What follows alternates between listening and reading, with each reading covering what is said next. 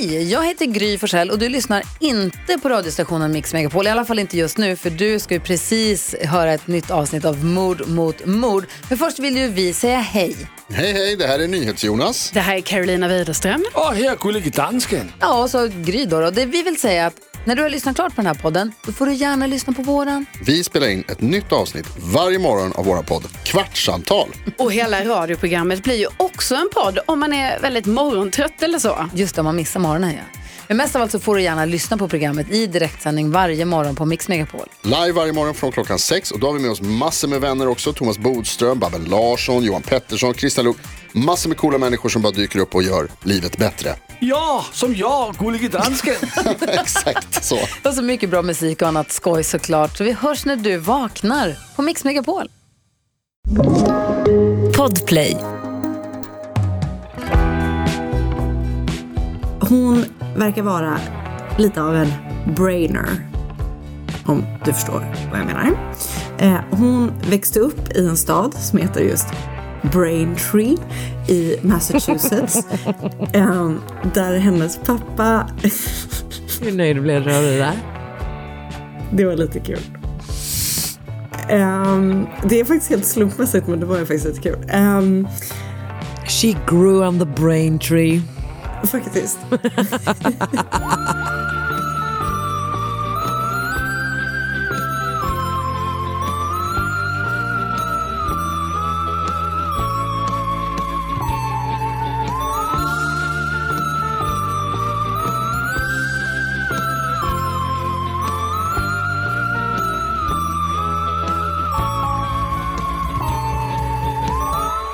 Då hälsar vi eh, hjärtligt välkomna till veckans avsnitt av Mord mot mord. Ja, gud, det har vi sannerligen.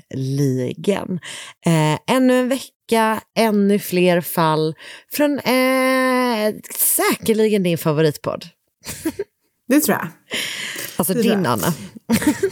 Det är absolut min favoritpodd. Jag trodde du, jag trodde du pratade till var och en Ja, som det- har det gjorde jag med. hörlurarna just nu. Ja, Jag bra. Jag vet allas. Hur står det till? Nej, men det är väl bra, eh, tycker jag. Absolut. Jag är lite snurrig i huvudet. Jag har tillbringat helgen på, eh, i Göteborg, mitt emot eh, vår plats, Liseberg. Kollat ner på vår teater, Lisebergsteatern. Underbart. Jag eh, fick också, fan jag tror att jag glömt att berätta det för dig, att jag, eh, alltså jag har ju typ en sån självbild att jag ändå kommer vara, alltså jag skulle ändå vara bra i en riktig sån paniksituation typ, förstår du? Jag skulle vara bra på att think Absolut. on my feet och sånt. Eh, har precis då, eh, Marcus och jobbar, det är därför vi är ute och reser så himla mycket just nu. Han är och giggar. Så vi är på, jag och Sally är på hotellet, jag har precis lagt henne, hon har precis somnat. Jag ska precis, du vet, chilla ner mig och typ börja skriva manus och kanske typ avsluta och skriva manus istället kolla på reality-serier hela kvällen. Eh, när brandlarmet går.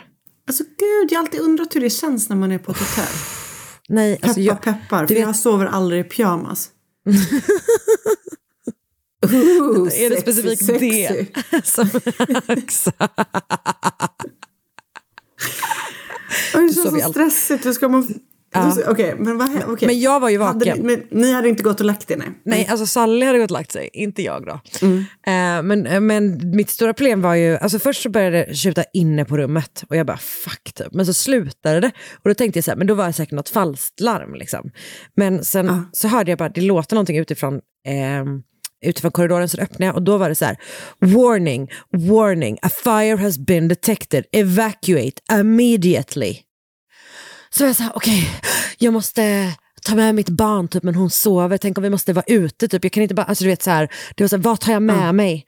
Och så bara kom jag på det bara, ah, så ryckte jag loss åkpåsen från vagnen, stoppade ner en sovande Sally där i och började du vet, gå först bara, vara ute i korridoren, let, alla andra är ju liksom, det är ju ingen som är hemma, klockan var åtta typ, alltså, ingen annan på hotellet, det är bara jag där typ, åtminstone i rummen. Men det första som händer är att jag träffar en snubbe, för jag typ springer lite grann, men Sally känner mig ändå så här, han bara, du behöver inte stressa, det är någon som har rökt på ett rum. Så fick jag ändå bära Sally ner för 26 trappor.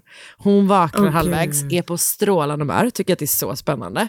Eh, och framförallt tycker hon att det är spännande, du vet när jag öppnar den dörren ut till lobbyn. För det var, alltså, det var som hennes natt på museum. Alltså bara en vanlig natt. Du vet, att det, var, det pågick en sån febril aktivitet där nere. Som hon bara, du vet, det var barn som typ fäktades med såna här ballongsvärd. Det finns en hel barnavdelning där. Där var det liksom sån jävla fest, barnfest. Alltså det var verkligen så här som ett eh, mänskligt liksom, nöjesfält på något sätt. Och hon var, alltså, hon var på strålande humör på en sekund. Och sen vägrade hon somna om igen. Det, ja okej. Shit. Okej, men du, är du besviken på din egna insats i, insats i kris? Nej, jag tycker jag hanterade det ganska bra. Ehm, jag känner att, jag önskar att jag hade varit, nu visst, grejen att jag visste ju väldigt snabbt att det inte var en kris, utan att jag bara var irriterad för att jag var tvungen att bära mitt tunga, tunga barn nerför eh, alla trappor i världen typ. Eh, men jag känner ändå att hade jag inte då hade jag liksom, jag hade ett svung ut från rummet om du förstår. Bra. Så, att, alltså, så att jag känner typ att jag kan stå fast vid att jag fortfarande är eh, någon som man kan hålla i när det blåser. Jag har alltid vetat det. Jag har alltid vetat det. Finaste. Men du, eh, hur mår du? Ja men bra. Du är jag på hotell? Är ju på hotell på kontinenten. Ja. Mitt älskade Köpenhamn. Ah. Ehm, jag befinner mig dock på ett flygplatshotell så det är ju Men, det är inte så glassigt som jag skulle önska att det var. nej, men det, är i alla fall, alltså det man kan ge Köpenhamn då är att flygplats, även ett flygplatshotell ligger ju ändå väldigt nära stan. Absolut, man känner pulsen. Ja, exakt. Det är det jag menar. Ja, Vad bra. Eh, hur har din helg varit? Den har varit bra. Vi var på eh, världens Hallabaloo-fest i lördags, så kallad dagsfest. Oj. Ehm, det var kul. Väldigt, eh, väldigt mycket party eh, för eh, de flesta. Och eh, nej, men den har varit bra. Igår så var jag liksom... Det, jag har ingenting att berätta. Jag, jag, jag kan ge ett tips då, för Ah, det ah, ah. gjorde jag i helgen. Utöver att se färdigt ehm, eh, Real Housewives Ultimate Girls Trip, Ex-Wives Club, Ah, Hur härlig? på rekommendation, som Ja. jag inte blev besviken på. Nej jävlar, Så den lever jag, upp. Och den lever verkligen upp. och så gillar jag, nej, jag gillar inte, jo det gjorde jag också, men så tipsar jag också om den nya dokumentären på Netflix som heter The Bling Ring. Som är ju det. alltså, Japp. Det är En den dokumentär. riktiga Bling Ring. det är den riktiga Bling Ring. För precis, vissa kanske har sett den Sofia Coppola-filmen, The Bling Ring.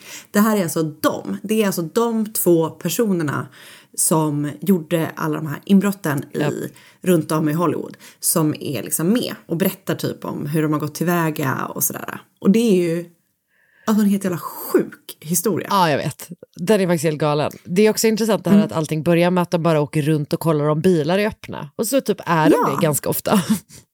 Jätteofta och i, som de sa i de rikaste områdena var det mest olåst. Ja. Och tydligen första gången de gjorde inbrott i Paris Hiltons hus var dörren olåst. Paris, kom igen nu. Men så att, och liksom den tiden är ju också så himla speciell. Ah, ja, ja, ja. Alltså det var väl typ så här 2000... Jag vet. Jag vet, den är, Sju? det, ja, exakt. Det känns som det. Alltså jag följer ju ett, eh, ett Twitterkonto som heter Pop Culture Died in 2009.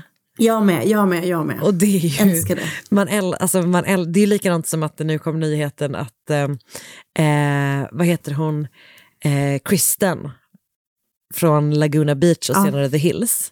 Hon har ju en eh, podd med han Steven som också var med. Ja, ja, ja hennes Du vet vad jag poj- menar. alltså Lawrence pojkvän. Exakt, för att grejen är att de gjorde nu ett avsnitt även med Lauren. Så det var liksom en bild på de tre tillsammans. Och att man bara, Åh, alltså det gud. gjorde så mycket saker med mig. Att jag bara, ha! Jag har fortfarande inte lyssnat på podden Alltså- dock. Men jag blev ändå starkt berörd. Gud, jag saknar alla dem. Älskade Laguna Beach, älskade The Hills, älskade The City. När Lauren Ah, hade flyttat till... japp, ehm, japp. Jag, jag, jag, ehm, går, jag vet inte om jag följer, men jag är ofta inne på Olivia Palermos eh, Instagram. Det är verkligen en person som man ofta är inne på men inte följer. Men hon är egentligen ganska tråkig för hon är bara som modertjej. Liksom. Exakt, Men, ehm, exakt. Men, eh, åh, gud, alla, åh, MTV, bästa. Ja, jag vet. Så Eh, så den var ändå... Just det. Tycker Det är en härlig säga. Det är historia ju. Alltså den, Ja. Eller typ jättetraumatiskt förstås för de här kändisarna, bla bla bla. Men det har ändå, eh, det har ändå något, det får väl ändå lov att erkänna. Kolla nu på The Hills. Ja, kolla nu på The Hills. Det finns säkert på någon streamingkanal. Ja, någon riktig full streaming. Okej, men du, då kör vi igång tycker jag. Det gör vi. Ja. Ett poddtips från Podplay. I fallen jag aldrig glömmer djupdyker Hasse Aro i arbetet bakom några av Sveriges mest uppseendeväckande brottsutredningar.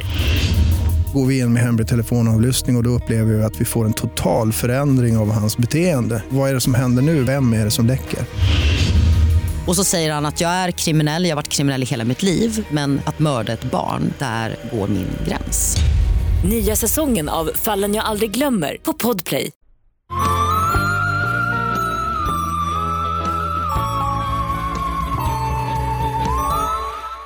Eh, idag ska jag berätta om Nigerias första kvinnliga pilot.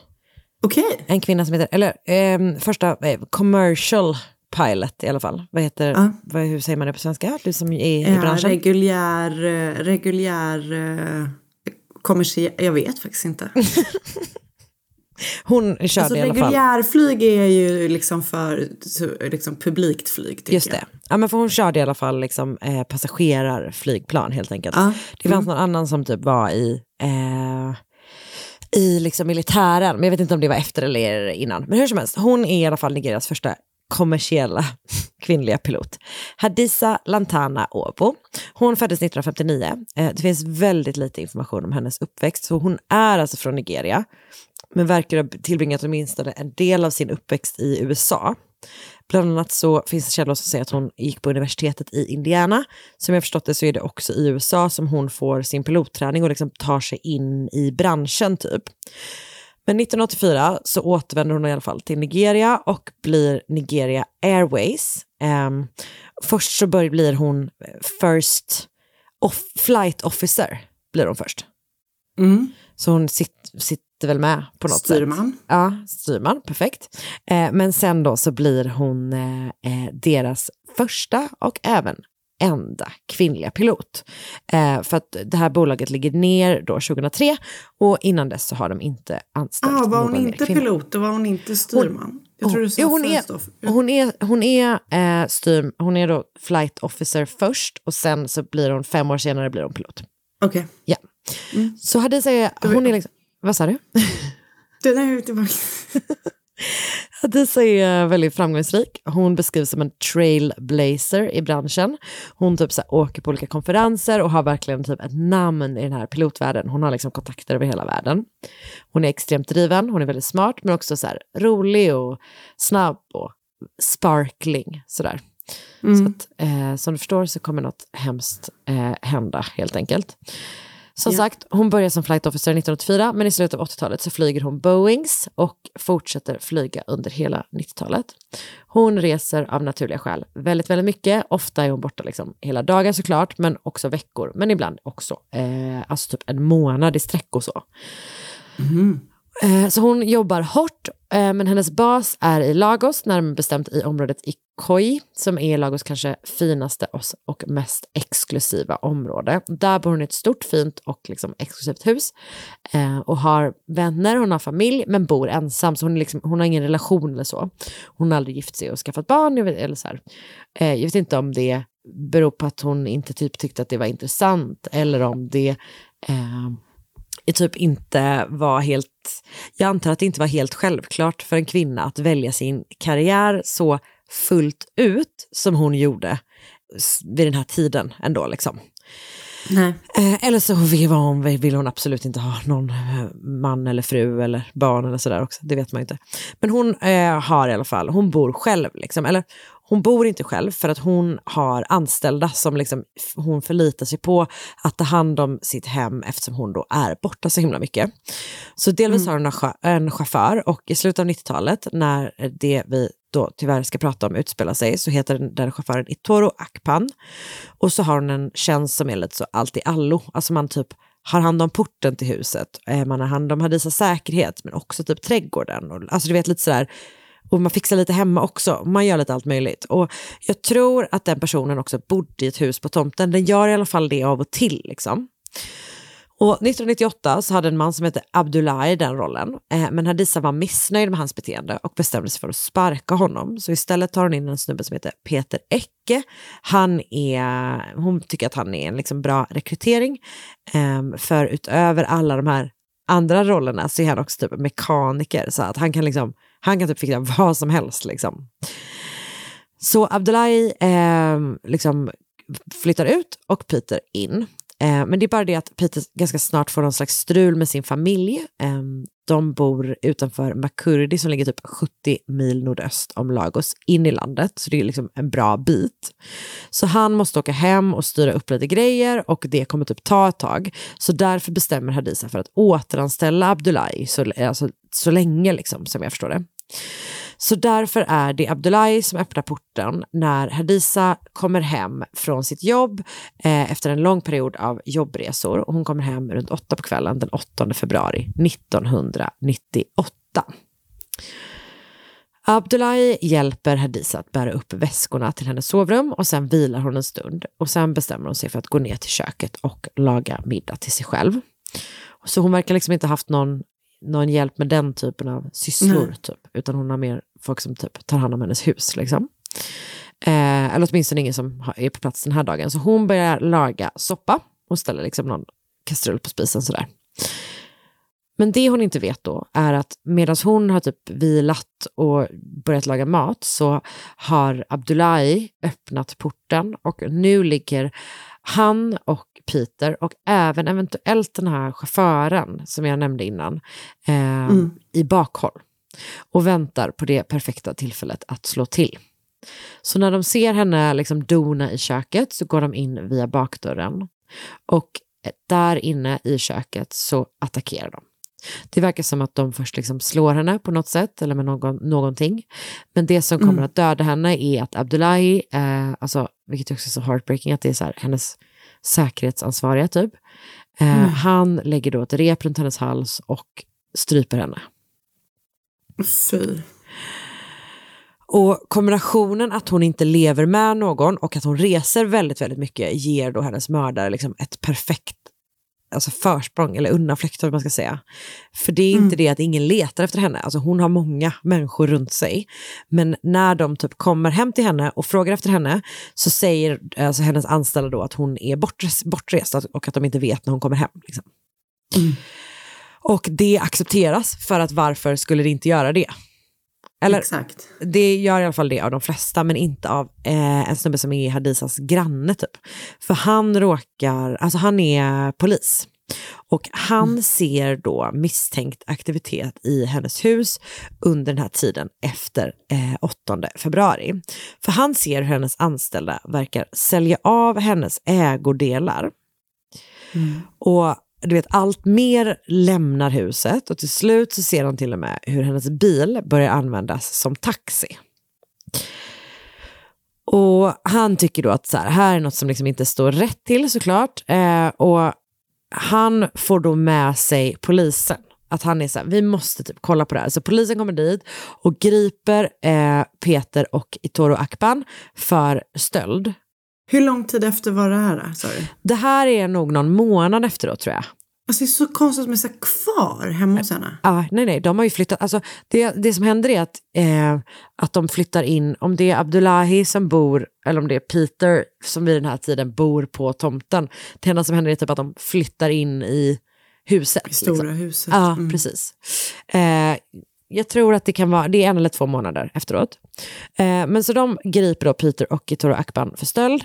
Eh, och Abdullahi är förstås också misstänkt. Eh, men han lyckas hålla sig undan från myndigheterna i flera månader. När man till slut griper honom så verkar det som att alltså det man landar i är att det är han som är hjärnan bakom operationen. Alltså det är han som har fått med de andra två. Men initialt tror polisen fortfarande då att allt de har gjort är att stjäla och sälja hennes ägodelar medan hon var borta. Så att de går på den ut, liksom, undanflykten också. Typ. Men till slut då, i maj 1998, eh, och mordet skedde alltså i februari då, man vet inte exakt, inte exakt vilken dag i februari, alltså man vet inte om de mördade henne samma dag som hon kom hem, men det verkar som att det är det som har, som har kommit fram. Liksom. Men det, det är lite oklart. Men i maj 1998 i alla fall så genomför polisen då till slut en husrannsakan. Och de får då snart en känsla av att något mer har hänt i huset. Så att Ja, absolut. Det är typ mer eller mindre tömt på ägodelar. Alltså det är tydligt vet, att det saknas saker. Eh, och typ, alltså både typ möbler och grejer men också värdesaker. Men inte nog med det, utan när de går in i köket så står då samma kastrull som Hadisa började koka soppa i den 8 februari liksom kvar på spisen. Mm. Eh, och i köket så är det liksom väldigt så här, kaosigt i allmänhet. Liksom. Alltså saker ligger typ huller om buller och dessutom så ser man då blodfläckar på golvet. Och mellan köket och vardagsrummet så ligger ett rep. Eh, det rep som då polisen ännu inte vet liksom, har använts för att strypa Hadissa. Så att de är så här, okej, okay, vi tror inte längre på att, eh, inget, alltså att de bara har stulit och sålt hennes ägodelar, utan här har liksom någonting eh, ännu mer sinister hänt. Typ. Men man har ju fortfarande inte hittat Hadissa och man har ingen aning vart hon är och nu bestämmer sig den lokala polisen för att lämna över fallet till den nationella polisen och det blir då utredaren Samuel Okaula som blir ansvarig. Och han är inte dum, han. Eh, för han, när han är i huset så lägger han märke till något som alla andra eh, missat, vilket inte är så konstigt man har gjort för att det är en liksom, lite svårspottad grej. Alltså han noterar att husets septiktank är täckt av ett nytt lager cement. Och alldeles i närheten så ligger också en halv eh, liksom, eller en cementsäck som ligger öppnad. Typ. Och han bestämmer då att man ska ta upp cementen. Man hittar ingenting i själva cementen, men när man till slut då får fram septiktanken eh, och får liksom upp den så hittar man Hadissa Lantana Obos kropp. Usch. Och efter det så griper polisen Abdullahi, eh, Peter Ecke, Itoro Akban och även en person som heter Denise Osama som misstänks ha varit den som har sålt Hadissas ägodelar.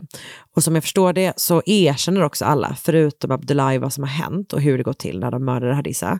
Och mm. de säger då att det var Abdullahis idé. Alltså, det, man vet ju inte om, om det var det eller om det är han som de skyller på för att han inte snackar typ. Men det, är, alltså, det polisen landar i är att det är han som varit drivande liksom.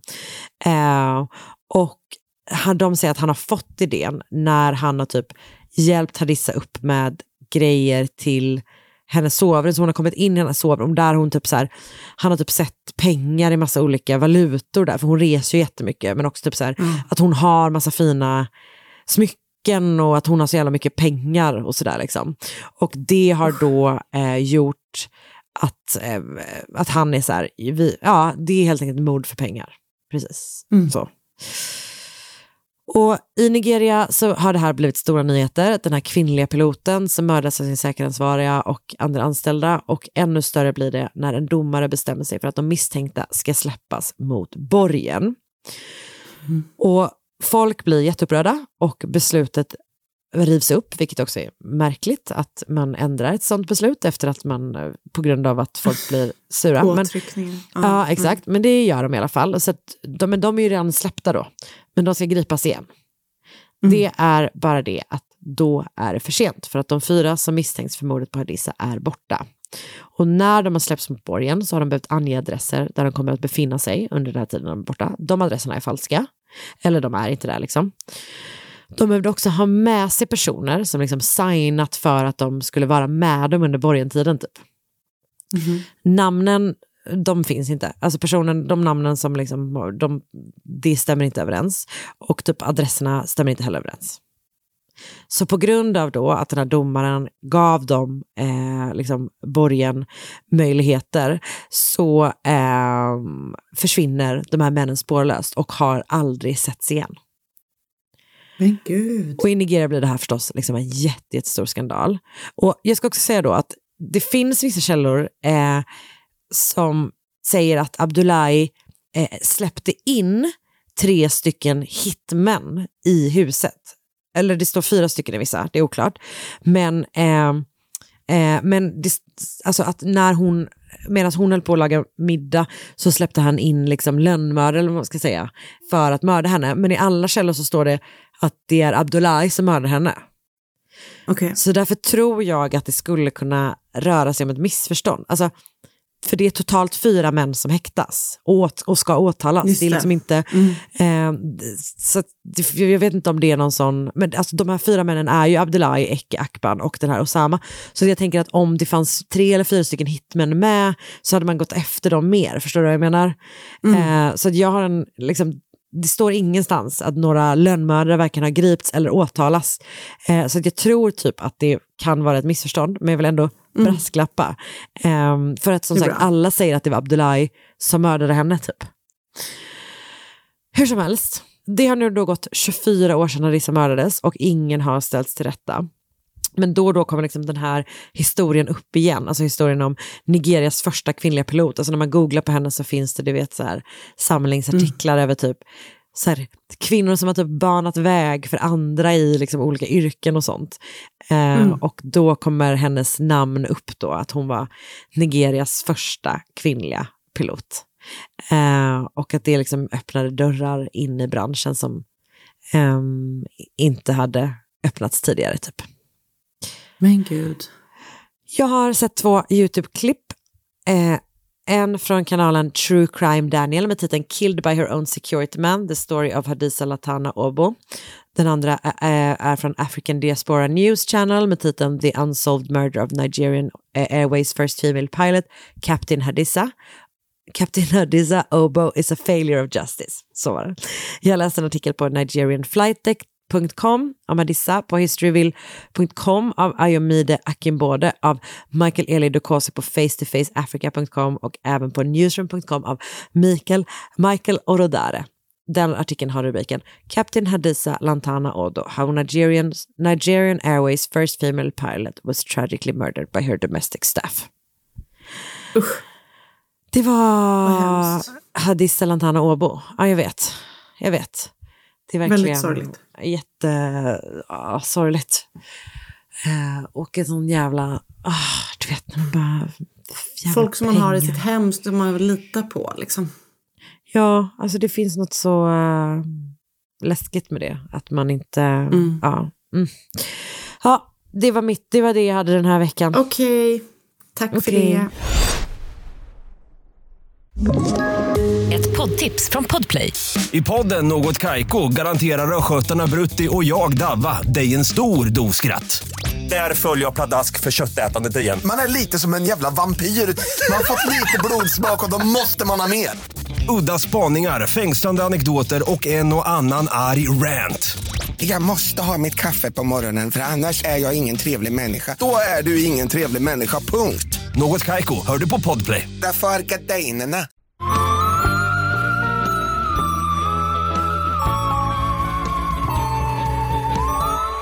Amy Bishop och hennes man Jimmy Anderson bodde i Huntsville, Alabama med sina fyra barn. Hon arbetade som assisterande professor på University of Alabama och eh, hon verkar vara lite av en brainer om du förstår vad jag menar. Eh, hon växte upp i en stad som heter just Braintree i Massachusetts eh, där hennes pappa Hur nöjd blev du av det där? Lite, det var lite kul. Ehm, det är faktiskt helt slumpmässigt men det var faktiskt lite kul. Ehm, She grew on the brain tree. Faktiskt. Eh, men där var hennes pappa professor på konstavdelningen på Northeastern University i Boston. Så du vet, hon liksom föddes in i en sån här liksom riktig akademikerfamilj. Och hon skulle också då gå samma väg som sin pappa. För hon börjar med att ta en så kallad undergraduate som jag inte riktigt vet vad det är. Eh, men det är väl någon slags, eh, det kanske är typ som en kandidat typ eller något sånt. Jag vet inte vad det är, det är något annat. Ehm, på samma universitet som hennes pappa arbetade på. Och sen gick hon vidare och pluggade biologi på Harvard där hon sedan också doktorerade Oj. i genetik. Oj, oj, oj, oj, oj, oj. Ja. Så inte bara, your average, inte bara your average universitetsstudent. Nej.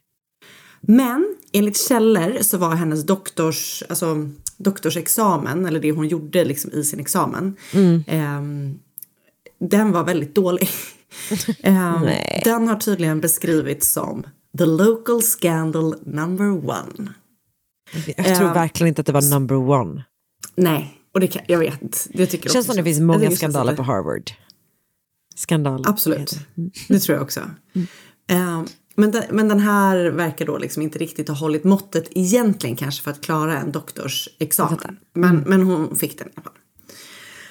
Hon jobbar på universitetet och ehm, utöver det då så hade hon och hennes man Jimmy då också ett gemensamt uppfunnit en bärbar eller automatisk. Det har varit lite olika i olika källor för det har varit portable i vissa och automatic i andra.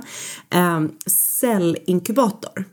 Oj. Och så, så som jag förstår det så är det typ ett sånt Jag visste inte att man behövde ha en sån man kunde bära med sig. Nej, så det är kanske en automatisk, men det känns också helt sjukt. Vadå automatisk? Jag vet inte. Men det verkar jag, jag visste inte vad det var. Vet du vad det är? Nej. Nej, nej, nej, nej, ingen aning. Jag tolkar det som att det är ett, typ ett, som ett typ av skåp eh, med en viss temperatur så att celler typ överlever eller förökar sig eller vet någonting så att man kan forska sen på de här cellerna. Just det, men då, kanske det är, då låter det väl lite ändå ganska troligt att det kanske är portable, till exempel att man ska kunna behöva flytta eh, celler Ja, från ett labb till ett annat. Borde jag vara. tänker också det. Jag tänker också det. Ja. Ehm, och jag tänker att automatiskt är väl att det finns el. Alltså, Automatiskt. ehm, de ställde i alla fall upp i en tävling med den här eh, inkubatorn. Och de kom på tredje plats i den här tävlingen. Och det, vis, det verkar som att man liksom verkligen trodde på att den här inkubatorn skulle typ revolutionera den medicinska och den biologiska forskningen. Och Jimmy arbetade på ett ställe som heter Prodigy Biosystems som då jobbar med, jag, jag försökte googla det men hittade dem inte, de jobbar väl med biosystem. Eh, ja men jag tänker att det är right down their alley. Ja, Ehm, verkligen. de samlade ihop 1,25 miljoner dollar för att de skulle fortsätta utveckla den här eh, inkubatorn. Och jag vet faktiskt inte vad som hände sen. För att jag vet inte om de fick arbeta med den eller om det liksom var företaget. Så här. Men, men det var ändå en ganska big deal liksom. Japp. Och Amy då, ehm, som arbetade på universitetet. Det verkar som att eh, både hennes kollegor och hennes studenter tyckte att hon var en ganska skum person. Eh, det beskrivs typ som att hon avbröt andras samtal med du vet, saker som var helt off. Typ som att så här, du och jag pratar om glass och så kommer någon som börjar prata om det senaste inom virke. Alltså du vet att hon var jättesk- och det var väl säkert saker som handlade om biologi som hon undervisade i. Men på den nivån, liksom att det var helt skumt. Ehm, och det beskrivs som att hon betedde sig liksom allmänt märkligt. Och av en kollega har hon beskrivits som kort och gott crazy. Ehm, Flera studenter hade också då lämnat in klagomål på Amy. Eh, bland annat så hade tiotals elever gått ihop och skrivit en namnsamling som klagade på Amy som lärare. Och det skickades då till rektorn. Och ehm, elever vittnade om att hon typ var så dålig, du vet att hon ibland kunde bara gå in och så här läsa rakt upp och ner från en bok utan att du vet så här förklara någonting närmre. Alltså hon verkar inte haft så, så tydlig eh, did, didaktik, heter det så? Eller det är lära om ljud. Istället. Det är så mycket svårt idag. Eh, pedagogik kanske jag ska säga. bara. Pedagogik, ja. ja, ja. Bara kör Ehm, kort kort och gott pedagogik. Bara kör. Ja. Ehm, så när det var dags för universitetet att besluta om Amy skulle få en sån här tenure som Just det, på universitetet. fast anställning, va? vilket ju då Precis, och den verkar vara liksom väldigt permanent eh, anställning. Ja, det är väl typ för resten av livet, känns det som. Ja, det är typ en, en evighetstills tjänst om man inte gör, du vet, eh, någonting väldigt fel eller om det inte är så att ens program typ upphör. Men i princip så är det att man sitter säkert for life. Japp. Eh, och det, den, jag tror det, det infördes för att eh, lärare liksom skulle vara fria att speak their mind, typ. Du vet, om du bytte ledning på universitet och sånt. Så, så det verkar som att det är en ganska bra kås bakom det. Men jag har också hört och läst att vissa blir väldigt slappa när de får en sån här tenure. Så att, för de vet att de typ inte kan få sparken och så. Så det verkar finnas eh, positivt och negativt med det. Det känns som att det är väldigt ovanligt i USA. Verkligen. Ehm, för Verkligen så. blir man ju uppsagd på dagen liksom. Ja, exakt. Just att de bara är så här, det här, det är egentligen är bara en sån normal anställning. Ja men typ att det känns lite som det. För att i Sverige så har man ju LAS och alltså, jag ja, där har man väl typ en evighetstillställning, e- e- e- evighetstills-vidare-inställning om man inte gör något fel. Eller något sånt. Jag vet inte riktigt. Arbetsbrist. typ. kan det vara. Eh, det kan det vara. Det kan det vara. Ehm, jag, jag är ingen expert. Eh, Nej, inte jag heller. Jag vill vara tydlig med nu. Det är Ehm, inte las mot las det här. Inte än. Inte Åh gud.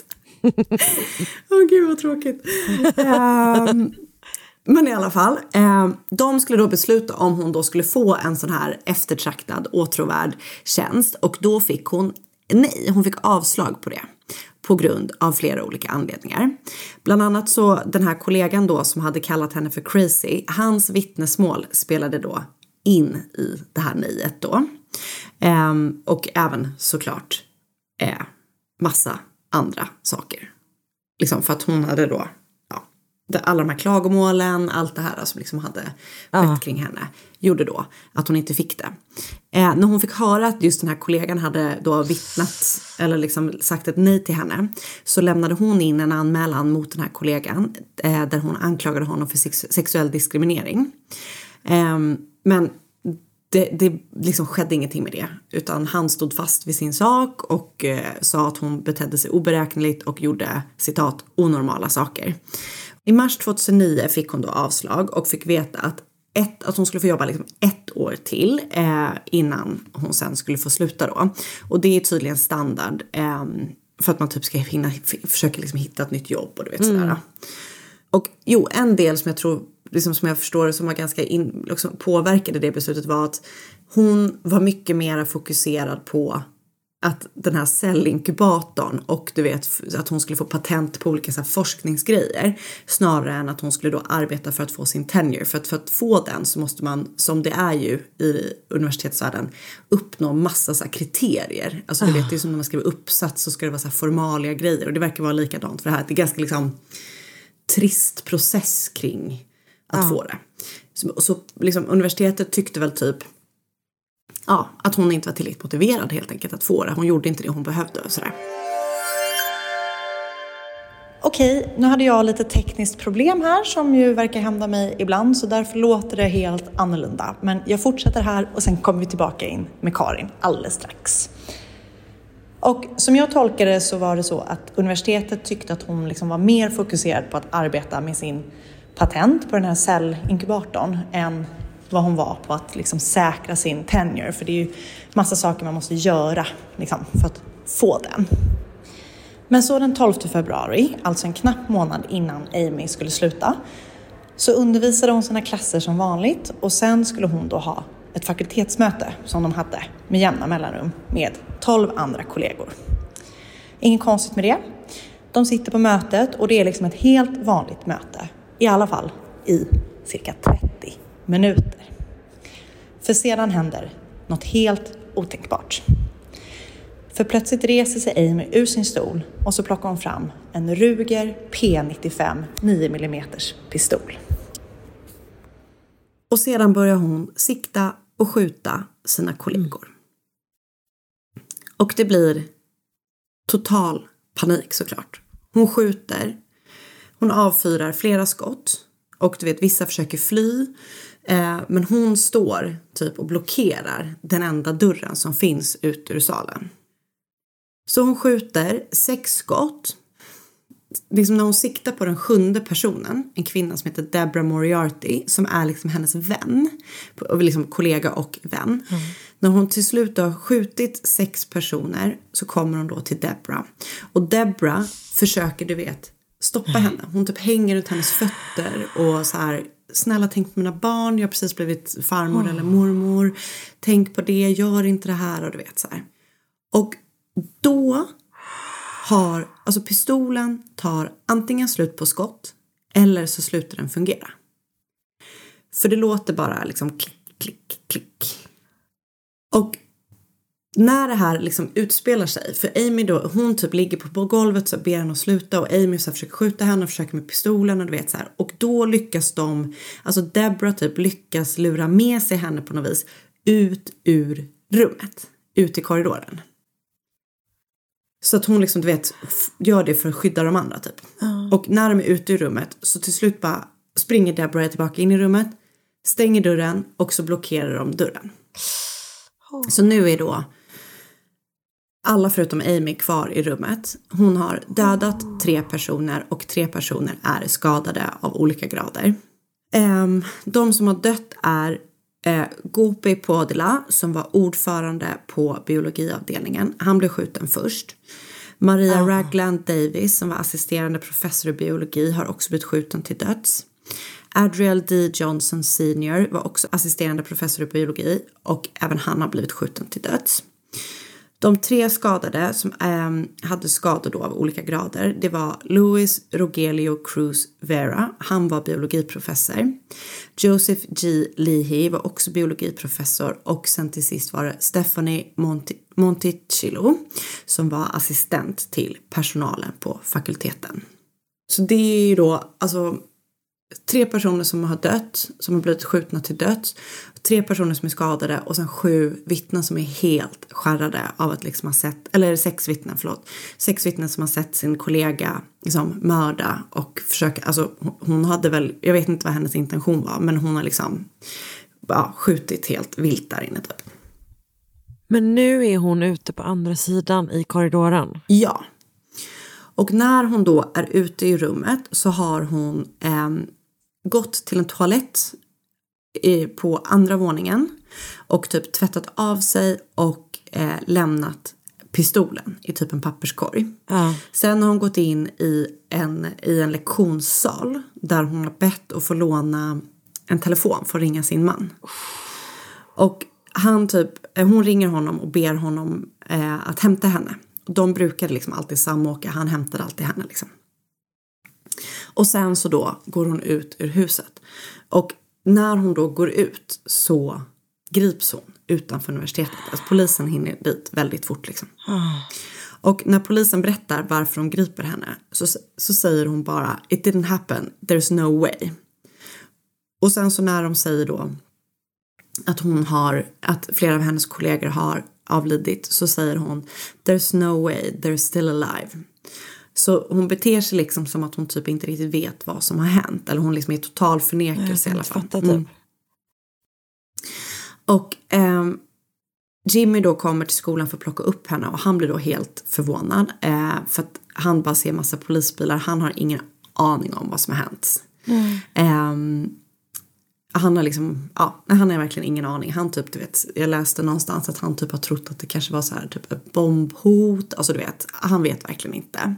Även om det sen ska då komma fram att han har lånat ut den här pistolen som användes i morden till henne någon vecka tidigare. Och han har också tagit med henne till en skjutbana bara någon vecka innan det här har hänt. Okej. Efter att hon har gripits så fanns det också en oro att hon skulle ha planterat en så kallad herpesbomb på skolan. Alltså en bomb som var skapad för att sprida herpes. Eh, och det här... Ja, Är det en sak det här som finns? Nej, jag, alltså det är väl en sån biobomb tänker jag. Alltså det är väl något man är rädd för eller? Jo men inte just, alltså, det, ja men jag är mer rädd för mjältbrand än herpesbomb. Jo, jo. Sant. Men det här grundade sig i att hon har liksom studerat herpes.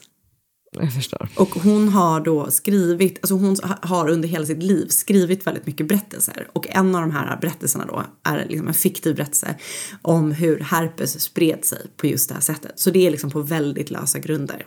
Jag fattar. Men det hindrar inte då eh, folk och polisen att bli rädda för det. Och de letar så supernoggrant igenom skolområdet och finner då ingenting annat än då pistolen som har använts eh, för att, eh, i morden.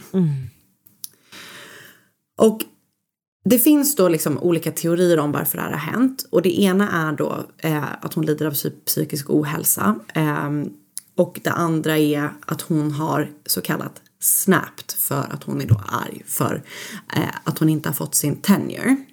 Men när polisen börjar titta närmare på liksom, Amy och Amys historia så får de reda på att liksom, det har funnits andra våldsamma händelser i hennes liv. Ehm, och drygt 20 år tidigare, ehm, på mitten på 80-talet, så var det så att Amy sköt sin lillebror. Eh, familjen hade varit med om ett inbrott och av den anledningen så hade pappan i familjen eh, skaffat ett, eh, alltså typ ett maskinvapen av något slag. Ehm, och då hade det varit så tydligen att så här, ehm, de hade varit hemma hos dem. Amy var 21, hennes lillebror var 18 och hennes, deras mamma var hemma. Och då har Amy avfyrat två skott med det här geväret varav ett då gick in i väggen och ett träffade och dödade hennes lillebror. Alltså sjukt. Och av Amy och hennes mamma som bevittnade det här så beskrivs det som en olycka. Och det hade då gått till så att Amy hade liksom av någon anledning lagt skott i familjens vapen och sen så när hon hade försökt få ut dem så hade hon inte fått ut dem. Och då har hon gått ner till köket där hennes bror och hennes mamma var och sagt så här jag behöver hjälp. Och då har mamman sagt så här peka inte vapnet åt något, liksom, mot någon. Och då har hon ändå gjort det och så har det gått av ett skott. Det som talar lite emot det, eller vad man ska säga, är att hon efter att det här har hänt och som jag förstår det då lämnade hemmet och försökte typ rymma. Och hon har liksom kommit till någon slags bilhandel och där har hon då pekat med det här vapnet som hon skjutit med sin bror på liksom två män och sagt att hon behöver ha en bil för att hon behöver rymma från sin man liksom. Eh, så det är lite skumt. Det är också så att i en av de här novellerna som hon har skrivit så ehm, är det en kvinna eh, som hade som barn råkat skjuta sin väns bror efter att hon hade tänkt att skrämma sin vän. Jag vet inte om det liksom talar för det här men eh, det lyfts ändå som en sån grej. Så hemskt verkligen. Ehm, och det verkar finnas sorgligt lite... ju. Ja, nej jag vet. Och det som är också så hemskt är att familjen så bor kvar i det huset, du vet. Och hans rum är helt så orört efter det. Alltså det måste vara så sjukt, sjukt trauma. Ehm, och det verkar finnas lite delade meningar om det var en olycka eller om det faktiskt var med flit. Det verkar då, eller det finns vissa som hävdar att polischefen som var polischef då, eh, hade sett till att, för, för det, hon får inga följder efter det här. Hur gammal var hon? Eh, hon liksom bara släpps, hon var 21. Hon var 21? Ja. Jag tänkte att hon var ett barn varken- typ.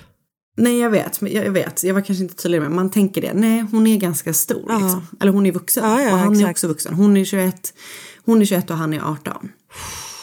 Men hon får inga, inga straff, straffliga följder eller inga rättsliga följder Nej. efter det här.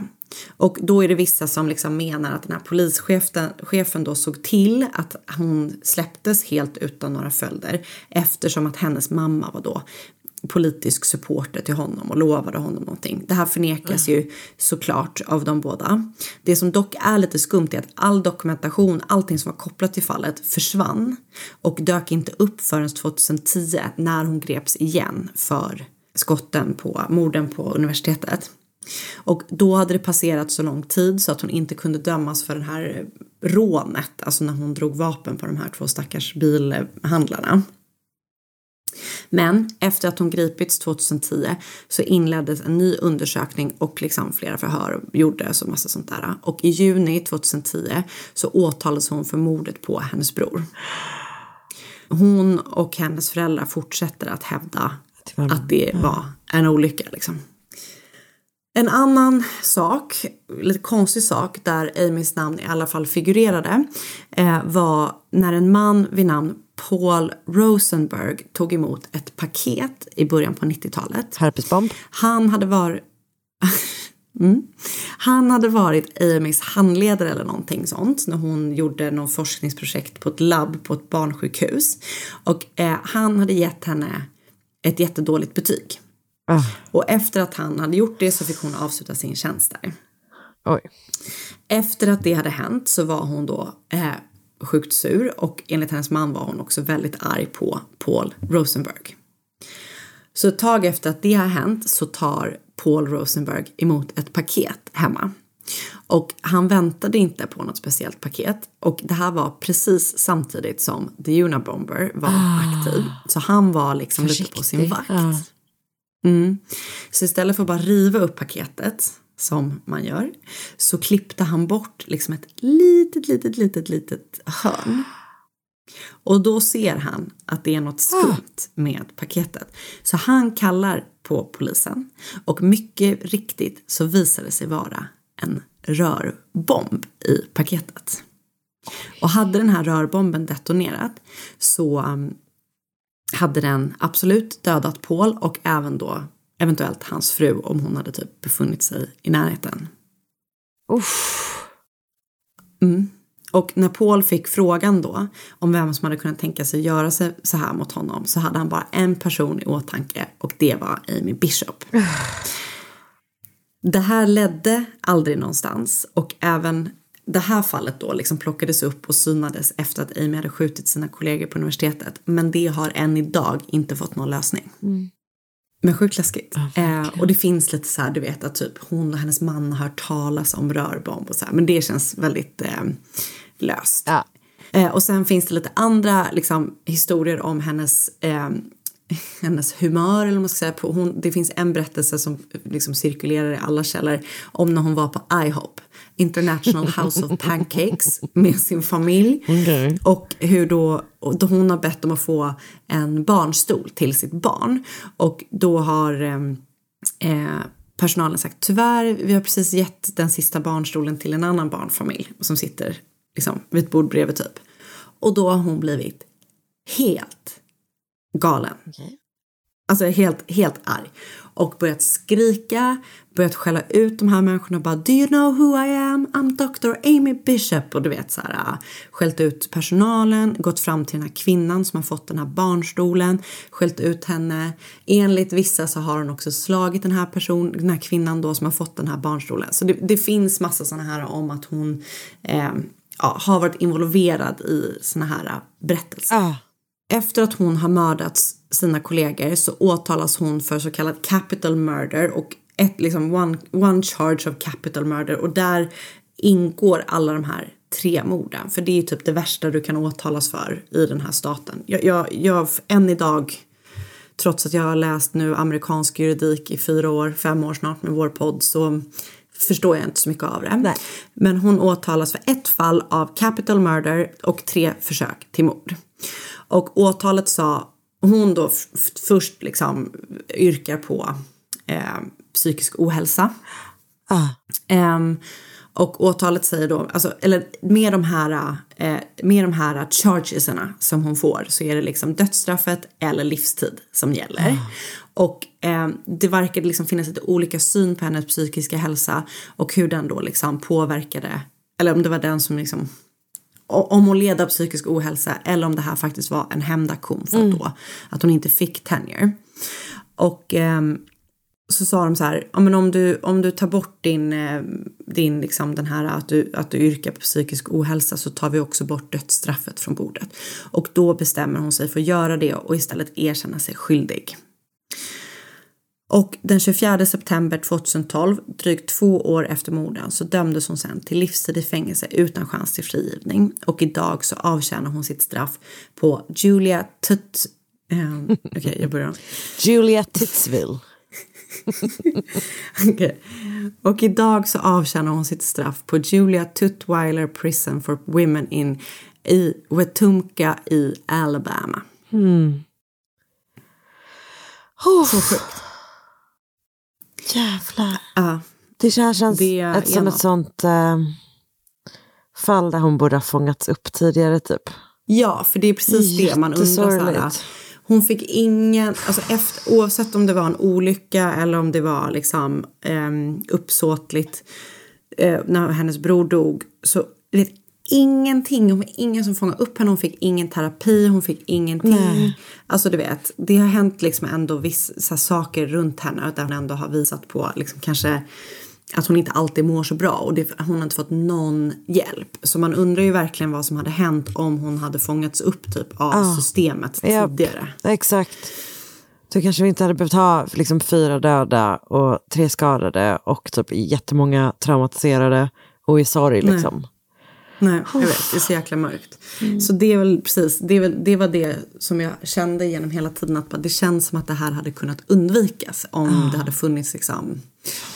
Ja, jag vet inte vad man ska skylla på. Men Nej, eh, väldigt, nej, väldigt sorgligt i alla fall. Och det är så sorgligt också. Hon ser verkligen ut som en helt vanlig mamma. Alltså det är alltså, inte för att det egentligen spelar någon roll. Men du vet, man blir, inte- jag blir så drabbad Ja, bara. jag vet. Ja, jag vet. Jag fattar.